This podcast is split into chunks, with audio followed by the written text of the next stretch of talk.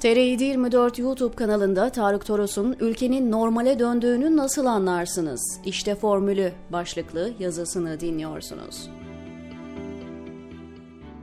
Apple iPhone'u güncelledi. Fakat bu defaki lansman geçen yılkinin neredeyse birebir aynıydı. Aylardır üzerine onca fikir döşenilen yeni seri öncekinin titanyum makyajlısı çıktı. Kasa ve AB'nin dayattığı şarj girişinin yeni diye sunulduğu bir müsamere izledik. Fiyatlar değişmedi doğal olarak. Türkiye tarifesi ise evlere şenlik.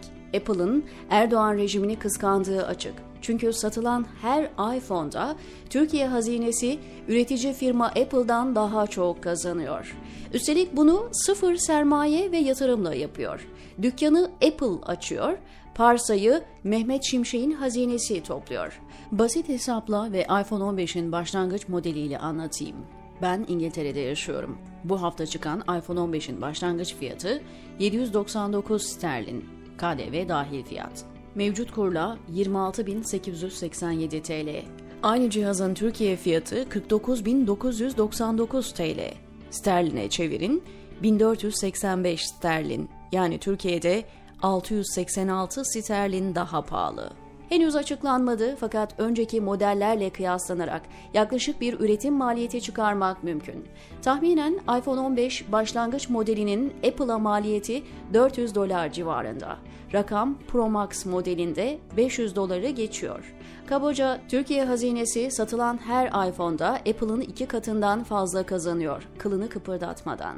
Hoş, orta direğin iPhone alacak gücü kalmadı. İngiltere'de bir asgari ücretli, aylık maaşıyla iki telefon alabiliyorken, Türkiye'de bunun için 5 ay çalışmak zorunda ve makas gittikçe açılıyor. Hemen her alanda olduğu gibi.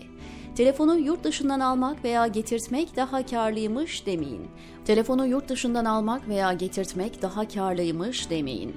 Bunu 3 yılda bir defa yapabiliyorsunuz ve IMEI kayıt ücretini 20 bin TL'ye çıkardılar. Avantajı ortadan kaldırdılar.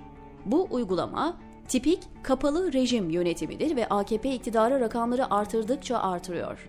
Bir gün ülkenizin normale döndüğünü nasıl anlarsınız? iPhone testi yapın.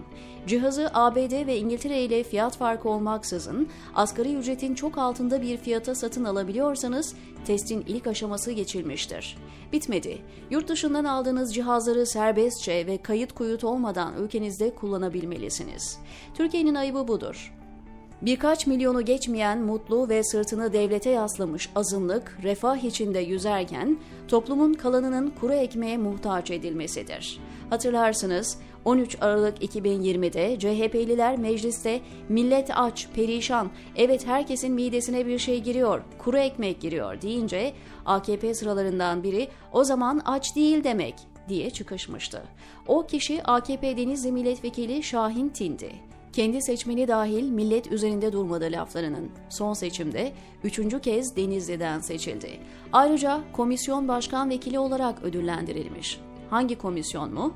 Sanayi, Ticaret, Enerji, Tabi Kaynaklar, Bilgi ve Teknoloji Komisyonu. Komisyonun adında geçen tüm kelimelerde ülke verileri berbat. Zaten bunu düzeltme derdi de yok.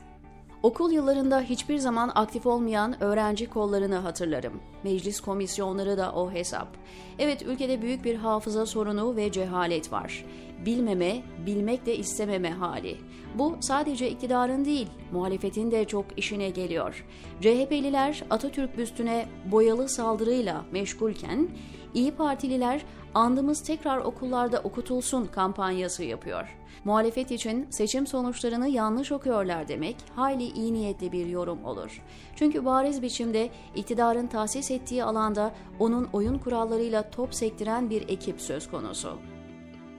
Ülkeye bir imha ekibi kursanız AKP'nin imza attığı tahribatı yapamazdı. Aynı biçimde muhalefeti çökertmek için içlerine ajanlar salsanız, tepe yönetimini ele geçirseniz filan bu kadarını yapamazdı. Seçimden bu tarafa iktidar bildiğini okuyor, muhalefet hiç şaşırtmıyorsa bundan diyor Tarık Toros TR724'teki köşesinde.